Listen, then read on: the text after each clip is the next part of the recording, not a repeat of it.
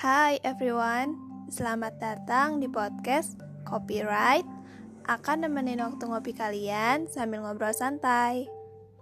Podcast ini bukan cuma buat orang-orang yang suka ngopi aja. Apa pun minuman yang kalian suka akan membuka suatu obrolan.